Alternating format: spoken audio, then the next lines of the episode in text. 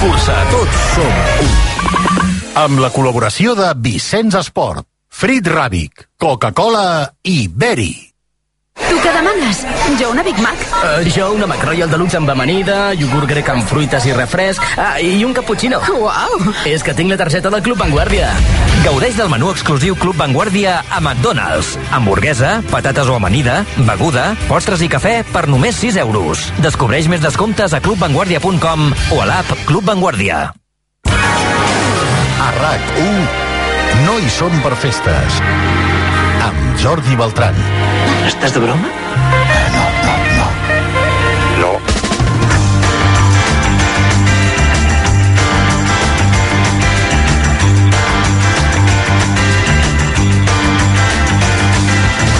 Mira, sense voler-ho, aquesta persona que deia que no estava de broma ens posa sobre la pista de, del tema que avui diríem que és el, gairebé el tema monogràfic d'aquest No hi som per festes, que és la mentida. Moltes vegades, quan ens expliquen una mentida, segons com diem, estàs de broma?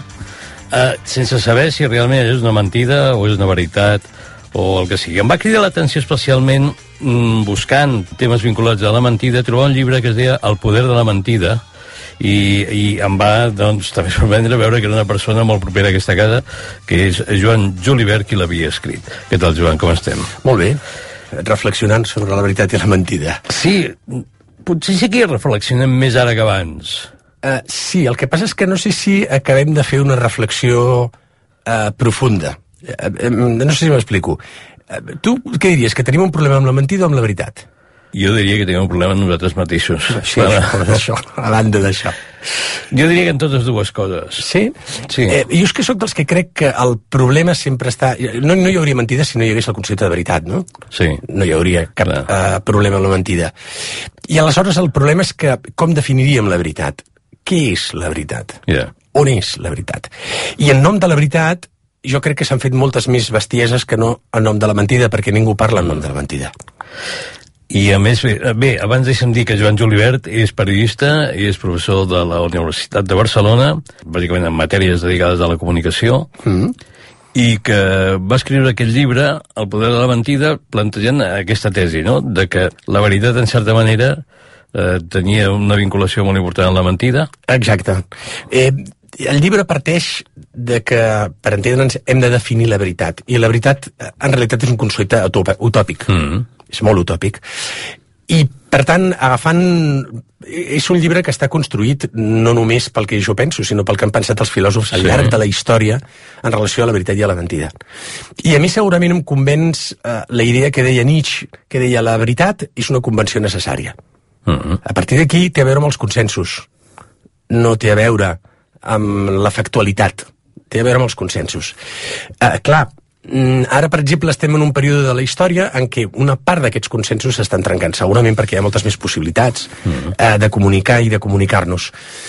I mm, precisament el que s'estan trencant són consensos, alguns dels quals ens ajudaven a viure. Quan Nietzsche parlava que la veritat és una convenció, parlava d'una convenció necessària per poder conviure per poder viure en comunitat. Mm. Podria ser també una concepció com el temps, la mesura del temps. Exacte. no? que ens Que ajuda la a mantenir per viure. unes regulacions. Mm. Bé, però on neix la mentida? Analitzant tot el que s'ha escrit en relació a la veritat i a la mentida, i jo crec que ara ho estem veient d'una manera claríssima en la lluita de relats. És a dir, en la lluita de la persecució de veritats Mm. acomodades als interessos de cadascun dels grups, col·lectius o persones. Ja, però de cop et trobes amb personatges com Donald Trump que de cop dedica a negar-se l'evidència de que hi ha una altra persona que ha guanyat les eleccions uh -huh. i és més, no, no només es queda content en negar-ho, sinó que convenç a moltes altres persones per tal de que actuïn en contra del que figura que és un resultat decidit per les urnes, no? Eh, Exacte. Eh, això ha passat aquí també. En el terreny electoral, quan parlem de si un guanya o perd, moltes vegades entrem en el terreny de la legitimitat. Sí. La legitimitat està vinculada necessàriament a la veritat, és a dir, a la veritat numèrica. Aquí a Espanya, per exemple, s'ha anomenat el govern actual que tenim com a il·legítim, Sí. malgrat que no s'apela a raons numèriques. Ja. Eh, per tant, quina és la veritat que preval, la numèrica o la legítima? I qui determina aquesta legitimitat? En forma de veritat. No? Per tant, per això et dic, és a dir, perquè vegis que són eh, debats molt complexos, i, I el que fan Donald Trump o aquells que diuen que el govern espanyol és il·legítim és trencar els consensos generals d'allò que havíem entès que ho determinàvem com a veritat en el sentit aquest de Nietzsche Yeah. perquè ens convenia per conviure i, per exemple, respectar les veritats numèriques en democràcia és un mínim consens que hauríem de tenir tots, no? Clar. Però hi ha qui, en la seva irreverència, en el seu revisionisme de la veritat, és capaç de tergiversar aquesta veritat i crear-ne una altra. Això és Donald Trump. No, i, i la gent que diu que la Terra és plana, encara. O sigui, clar, clar per ells això és veritat. Realment, és que no, no ho Eh, entenc. Fixa't, en el cas del terraplanisme, que té un- una part d'això, eh, fixem-nos que el terraplanisme no sé si creuen que la Terra és plana o no ho és. Perquè és veritat que mm, jo crec que ara vivim una revolució i una revolució no necessàriament vol dir evolució, també pot dir eh, involució. Mm. I hi ha moviments involucionistes que volen tornar al sistema feudal, on la Ho veritat sembla, era revelada T'he de dir que ho sembla. on la veritat és revelada. Fixa't, eh? eh? Hi va haver un moment, durant molts segles, l'ésser humà va viure amb la veritat revelada, que tenia més a veure amb la superstició, la màgia, que no amb la raó. El Ja. sistema de la veritat a través de la raó és relativament nou, és Ah. de la il·lustració. D'acord?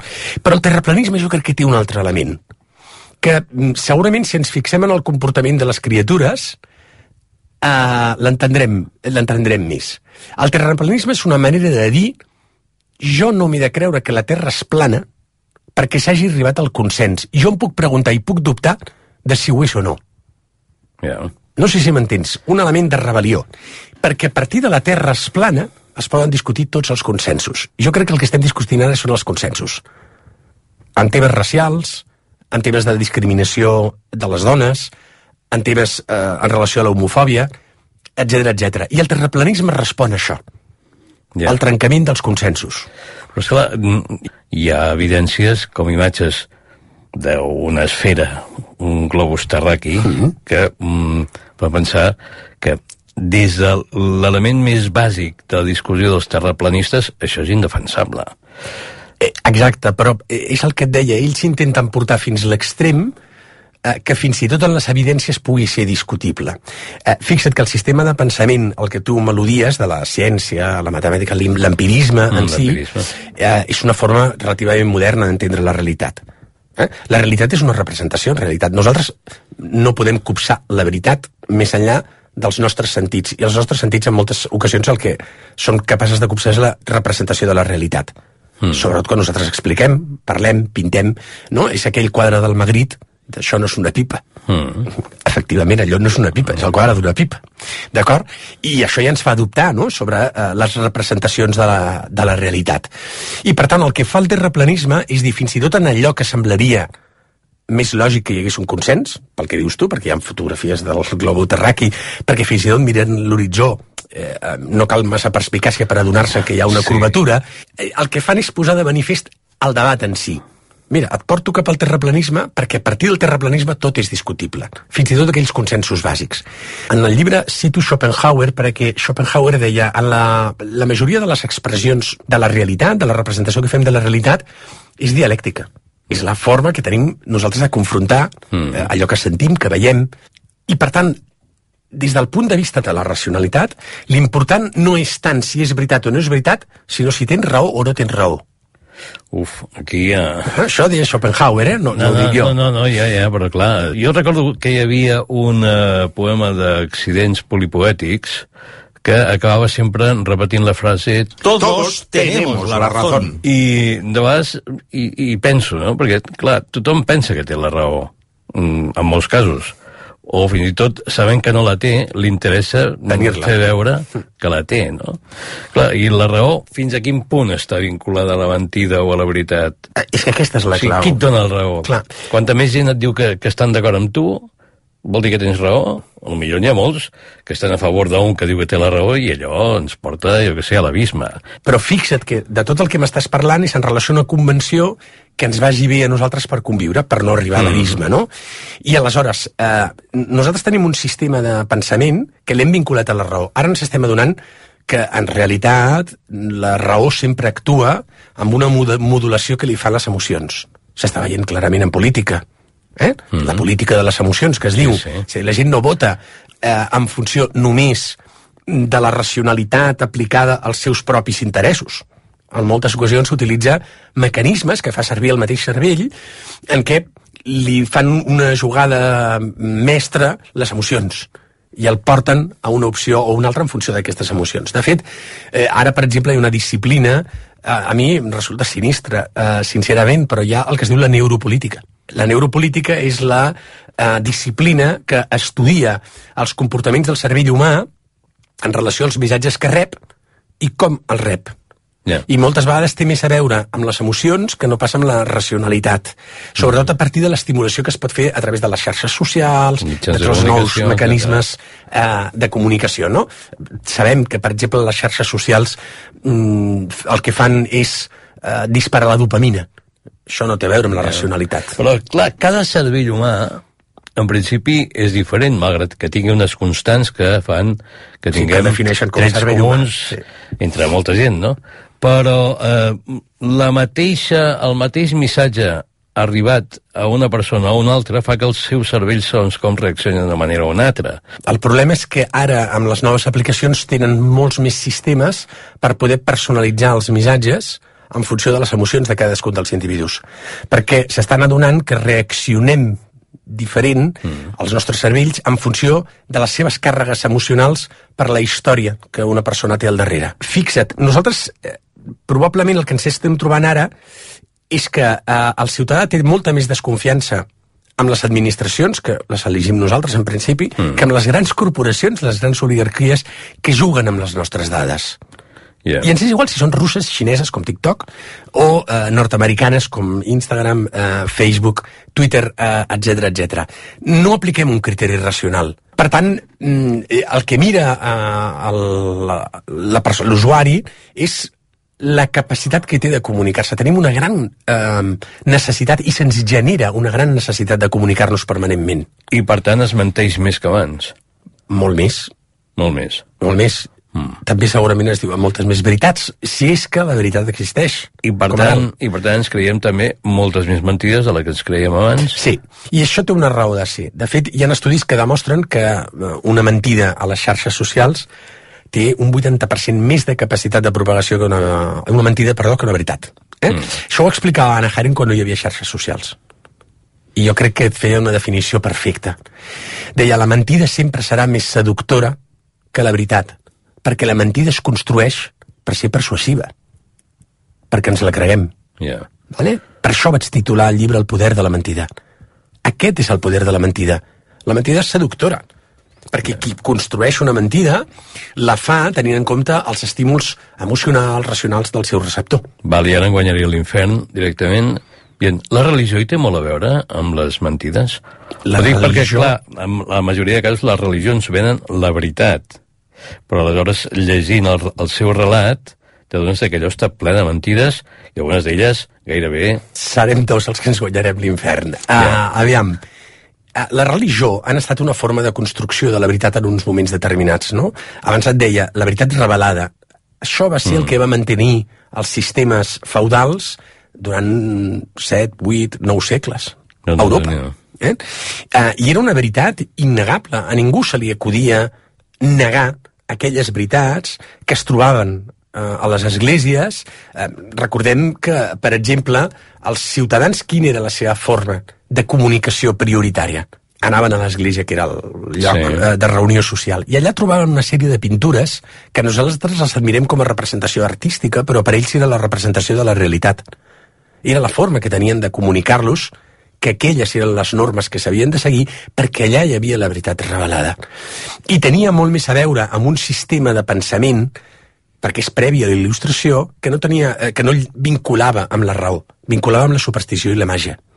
Mm. Durant molts segles l'ésser humà ha viscut en una veritat que estava sobretot fonamentada en la superstició, la màgia i la tradició. No tenia res a veure amb la raó. Mm. Però és que ni ho pretenien. Això de la raó és relativament nou. És la il·lustració. Per tant, el titular és mentida i la veritat està a la lletra petita? Jo diria d'una altra manera. Seguint la línia d'Anna Haren. La veritat és avorrida de, de nassos. I a més a més inabastable. I després, si et sembla, et posaré un petit exemple Sí, de per què és inabastable. Per tant, sempre necessita ser representada, sempre. Aleshores, estem en dues realitats que incideixen l'una amb l'altra i que, de fet, s'han de barrejar. En una, molts poden pensar que hi ha moltes més mentides que l'altra. I això no sé si és assumible o no. O sigui, clar. jo crec que els filòsofs actualment, amb la xarxa i tal, Tenen un problema. home, si tenen l'olla una mica pressió, sí, eh? però fixa't que, uh, d'entrada, la realitat que Sí. anomenem virtual, O sigui, és que jo diria, la realitat és una mentida? Per, per, per, per, hi ha persones que pensen que la realitat, igual que que la Terra és un globus, una esfera, és mentida. és mentida? O sigui, tu dius la realitat tangible. Sí, Hi ha un sí. filòsof nord-americà molt interessant que va fer un llibre que es diu Bullshit. Bullshit és xerraire, mm. eh? un xerrameca. I aquest senyor eh, explica que eh, amb aquesta realitat virtual que esmentes, el que està sorgint és la figura, ja no del mentider, eh, el mentider és una persona que normalment deforma una realitat, tal com mm. l'havíem entès fins ara. Ell diu, no, no, és que són persones que estructuren un relat sense cap consecució amb la realitat. És a dir, sense cap punt de contacte amb la realitat. Yeah. No? Que entenc que és el que, el que vols dir. Mm. Diu, i aquests estan sorgint Vale? I això segurament explica en gran part tots els moviments terraplanistes, revisionistes de la història, eh, etc etc. Vale? Tot i que, per exemple, quan parlem del revisionisme de la història, a mi em fa molta, molta gràcia, no? perquè és cert que hi ha uns moviments que intenten revisar eh, la història, el que ens hem de preguntar és amb quina finalitat. Jo crec que el més important de si és veritat o no és veritat és amb quina finalitat fan, a quin interès responen. Perquè hi ha un altre revisionisme que el que ens està dient és fins ara la història que hem explicat ha estat una història interessada de les posicions dominants sobre les dominades. Per això parlàvem de Napoleó, de reis, de papes, i no parlàvem d'altra cosa. No apareixen pràcticament dones a la història, i se suposa que hi eren, uh, um, uh, etc etc. no? I també intenten fer una mena de revisionisme de dir, hosti, anem a buscar la realitat estructural. Allà hi havia dones, Sí. Hi havia persones que no eren nobles, ni reis, ni capellans, ni... Per què no, ningú no ha explicat aquesta història? És el que diu aquest senyor, mm, aquest filòsof nord-americà, que mm, és que els és igual la realitat per construir. El que estan és construint un relat, Yeah. independentment que tinguin una connexió amb la realitat o no. El que ha de ser, en la línia del que deia Schopenhauer, és que tinguin unes línies de coherència discursiva que siguem capaços de percebre'les com a reals. Per tant, aleshores, estem vivint en un relat més que en una realitat. Sí. Val. Hem parlat molt de infraestructures, d'administració, de periodisme, però hem parlat del terreny de la mentida que jo crec que és el que et posa més davant de la veritat o la mentida o de la raó i la no raó, que és l'àmbit familiar. Una mentida eh, dita a la portada d'un diari té molta més incidència en la societat que no pas familiar. la mentida que li dius a la teva parella en un moment determinat per diversos motius. A vegades per comoditat, de vegades és per refermar aquest relat que, que ara esmentàvem, el relat de la teva pròpia vida, i de dir, i t'ho porto al terreny familiar perquè crec que hi ha un element que és important també, que és la capacitat que tenim tots de mentir-nos a nosaltres mateixos. Per això et dic, més que mentir seria de construir. El que, la capacitat que tenim de construir realitats que ens mantinguin en una tranquil·litat eh, espiritual, vital... No? Eh, més que... Fixa't, què és mentir? Si jo et dic mitja veritat, menteixo? Sí, és una forma de part, mentir. Sí, clar. No? Sí, si Eh, ocultes, si ocultes informació, ocu- també. No? exacte, com. també seria, no? Però no estàs mentint, estàs ocultant informació. O sigui, de la que tens, Clar. mm, hi ha una part que no la dius, però suposo que és per preservar interessos, però tu no estàs... Tot l'altre que has dit no és mentida, en principi. Només estàs ocultant una part de la informació. Clar, però per això jo dic que l'important és la intenció. Si tu ocultes amb intenció d'amagar una part essencial de la realitat que expliques, sigui la teva, o la de la teva parella, o la que sigui, es converteix en una mentida. Hi ha una intenció de deformar la realitat, amputant-li una part d'aquesta realitat, perquè quedi una figuració diferent de la que quedaria si estigués aquesta realitat completa. Que tu la saps, però que l'ocultes. Ara bé, la mentida piadosa, Ja. què hem de fer amb la mentida piadosa? La condemnem també? Tu imagina't que realment diguéssim tota la veritat. Mm. Sempre. I a tothom. No podríem viure. Estaríem en guerra permanent. Bueno, és que dient mentides veig que. Últimament sembla que la cosa però dient mentides aquí, però en fi. eh, amb aquestes tècniques subtils, per exemple, amagar una part de la realitat, mm. no dir tot el que penses, um, a determinades preguntes mm, buscar eufemismes o formes d'expressió que ben bé no diguin res, mm, no deixa de ser una forma de, de mentir o d'amagar la realitat, o, però ho fem per transitar amb harmonia i en pau social. Uh, ser innocent avui dia surt molt més car que fa uns anys. Sí, Innocent eh? des del punt de vista de la ingenuïtat. Sí. Hi ha un concepte que és la bombolla cognitiva. No sé si n'has sentit parlar. No. Quan estem en les bombolles cognitives és la manera de comunicar-se que faciliten els, les noves te, eh, enginys tecnològics i les noves xarxes de comunicació, segons la qual tu consumeixes a la carta, només consumeixes el que vols escoltar. Ja. Per tant, aquí això no es pot donar la ingenuïtat. Si tu has estat escoltant contínuament eh, els representants polítics dient no es podria mantenir una foto de la policia cascant, això ho vam sentir moltes vegades. I només sense aquesta gent. L'Estat no s'atrevirà, serem molts i ho farem, ho tenim a tocar, etc etc. i és el teu únic eh, ecosistema comunicatiu, perquè tu te l'has creat, aleshores és molt probable que et vagis donant eh, cops als nassos quan la realitat tangible va en una altra direcció, més enllà de la teva bombolla cognitiva. Mm. Aquest és un dels problemes que han detectat els sociòlegs en relació a la comunicació eh, que es diu de consum a la carta. Mm? Quan tu tens Twitter o Instagram o Facebook, tu elegeixes a qui segueixes. O igual que quan compres un diari, bé, els que compren diaris, Sí. sí. compres el diari que saps que respon una mica... Amb una diferència. Tots els diaris han de respondre, o responen, per criteri professional, però perquè també estan regulats, com la ràdio i la televisió, mm. a un criteri de servei públic i interès general, on hi ha unes agendes temàtiques que més o menys compartim tots els mitjans. Amb una òptica o amb una altra, però més o menys compartim tots els mitjans. Uh, fixa't que jo que sóc professor d'universitat, mm, els poso sempre el mateix exemple perquè jo crec que aquest um, és molt eloqüent. Jordi, tu recordaràs que quan nosaltres érem adolescents tots sabíem qui era el president d'Israel. Mm. Tots sabíem qui era el president de Polònia. Tots sabíem qui era el president dels Estats Units. El del Regne Unit, el canceller alemany, etc etc. Perquè teníem un element de comunicació que ve de comú, sí. creació de comunitat, que és la feina que fan els mitjans de comunicació. Una de les feines que tens és la cohesió social. Aleshores, tots al migdia només tenien una opció, veure allò que els nostres pares posaven a la tele. Què posaven els informatius? Allà veiem Fidel Castro cada dos per tres, Joan Pau II, Jordi Pujol, Pasqual Maragall, Yasser Arafat, eh, Margaret Thatcher, etc etc. Quan ara els hi pregunto als alumnes qui és el, la cancellera alemanya o el president eh, francès, no. no ho saben, perquè en el seu timeline no segueixen la informació internacional. No tenen Però això és desastrós, no? Diguem que tenen un, altre, un sentit de comunitat diferent al nostre. Però- Clar, no, no, però segurament hem d'intentar entendre, eh? i no vol dir ser paternalista ni res d'això. No, no. Per mi sí que forma una mica part de desastre. En la mesura que s'han desprestigiat certes institucions i els mitjans ho són, eh, s'estan perdent aquelles institucions que ens generaven comunitat. Mm. I, I això val per les institucions democràtiques, que s'han deslegitimat eh, totalment, per les institucions mediàtiques, per les institucions jurídiques, que tots sabem el que està passant, etc etc. És un desastre. És un desastre. Vale?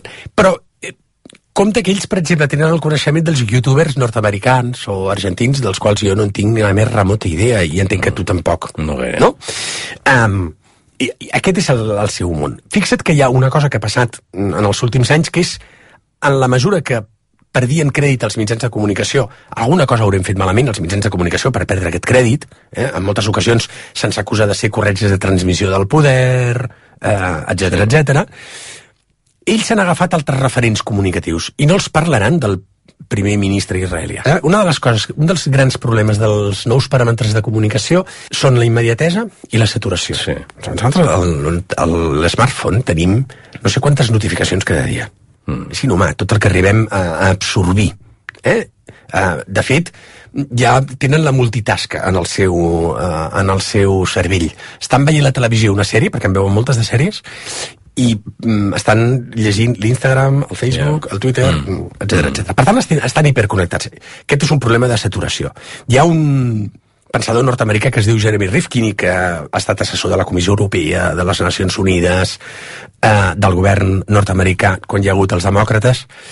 I, i aquest senyor diu Uh, ell és optimista, eh? com molts nord-americans. Ja saps que la filosofia nord-americana és molt més optimista mm. que la que l'europea. I ell diu, hem passat, i això es veu molt en comunicació, de gestionar l'escassedat, l'ésser humà sempre havia gestionat l'escassedat. Sí. La redistribució de la riquesa, eh, etc etc. A gestionar l'abundància. I no sabem fer-ho. Mm. I la saturació pot comportar molts problemes. Doncs ells estan... Són la primera generació que, geni, que gestionen eh, la gran abundància d'estímuls comunicatius eh, per totes bandes. Jo, sincerament, crec eh, que estem en un període de transició Ja, i ja. que aprendrem a decodificar tota aquesta informació que ens arriba i fins i tot acabarem generant la necessitat de crear aquests elements de comunitat, aquest saber comú. Però ara estem en un moment de transició, estem en un moment molt embrionari de tota aquesta, d'aquesta comunicació. I, ho vulguis o no, estan tan hiperconnectats que quan, per exemple, hi va haver l'assalt al Congrés per part dels eh, trumpistes i mm. tota aquesta gent, um, ells es van assabentar d'una manera que nosaltres no ens assabentàvem, tot i que teníem també els instruments per Sí. fer-ho d'aquesta manera, a través dels memes Yeah. aquell senyor amb el cap de toro i tal i qual, no? Nosaltres, des del nostre cervell analògic, pot ser que tinguem la sensació de tabalament total. Ells hi han nascut en aquest clima Sí. d'estímuls continus. Mm. Els autèntics problemes els tenim en funció de la definició de la veritat. Ja. Entre altres coses perquè és inabastable aquesta definició, no, no, no la trobarem mai. La podem trobar en el sentit social al que referia Nietzsche, una convenció que ens ha de servir a tots. I aleshores aquí ens podem trobar amb un altre problema. És quan les veritats eh, necessitem votar-les o consensuar-les, eh, no? Mm, És una mica estrany, no? És, aquesta taula és marró, mm, anem a consensuar-ho. Home, Yeah. es, es fa una mica estrany. No? I, I aquest és l'altre fenomen que està passant. Al costat de les autarquies i les teocràcies està passant eh, una mena d'assemblearisme portat a l'extrem, Ja. en el qual fins i tot les realitats més tangibles, aquelles sobre les que tenim absolut consens, no, no haurien de ser discutibles, diguem. La desconfiança té a veure amb la por a, a ser enganyat, amb la por a la mentida. La mentida no ens ha de per què fer por. Hi ha gent que no li fa gens de por la mentida, és a dir, la prefereix. Mm. No? És allò quan un amant li diu a l'altre amant eh, en cas que em fessis alçar no m'ho expliquis. Mm. No? Eh, no té por la mentida, al contrari, li està dient menteix-me. Sí. Per tant, eh, no, no és la por principal. Puc acabar amb un tòpic I que, tant. que no sé si... que és aquell famós de res és veritat ni és mentida, tot depèn del color del vidre en què ho mires. No? Em sembla fantàstic. Eh, compte que hi ha tòpics, A- Aquest és megatòpic, eh? és molt tòpic, Sí. però hi ha molts tòpics que són la millor forma de representació de la realitat. Yeah. Fixa't, només un apunt més. Hi ha un senyor que es diu Steve Pinker, que va fer una cosa que es deia La tabla rasa, un llibre que va ser mm. molt famós, que ell deia hi ha molts científics que es posen a treballar en diverses matèries sobre el comportament humà eh, i, i dediquen hores i assajos i tal, i de vegades trobes en la cultura tradicional els tòpics, Sí. o en la cultura eh, general, és a dir, el cinema, el teatre, la música, moltes més realitats científiques que en aquesta gent que ha estat estudiant tant temps sobre aquella realitat científica. Doncs bé, si voleu més eh, mentida i el poder de la mentida, el llibre de Joan Julibert us pot ajudar encara a conèixer més coses d'aquest tema que he intentat eh, encetar, que a mi m'ha portat a diversificar-me per diferents branques, segons com, però que em fa arribar a la conclusió següent. Todos, todos, todos tenemos la razón. Gràcies, Joan, que vagi molt bé. I Moltes molta sort, gràcies. Que vagi bé. A RAC1... No, no, no hi som per festes. Amb Jordi, Jordi, Jordi. Jordi Beltran. Bé, fins aquí aquest especial Mentida. Bé, no l'hem dedicat tota la mentida, però sí que hem passat una bona estona parlant de mentides, parlant de pel·lícules que inclouen mentida en el seu argument i arribant al final d'un pont que molts, em sembla, pel que vaig tenir jo la sensació divendres passat, molts han aprofitat per dir, mira, encara ens queda un bri de, de temps suportable abans no arribi el fred i la castanyada i tot això, per tant anem a aprofitar-ho. A tots aquells que han tingut pot, felicitats per poder-lo fer, i aquells que no, doncs mira, ja arribarà el nostre dia. Gràcies per ser-hi, una abraçada ben forta i moltíssima, moltíssima Bona sort. Good night.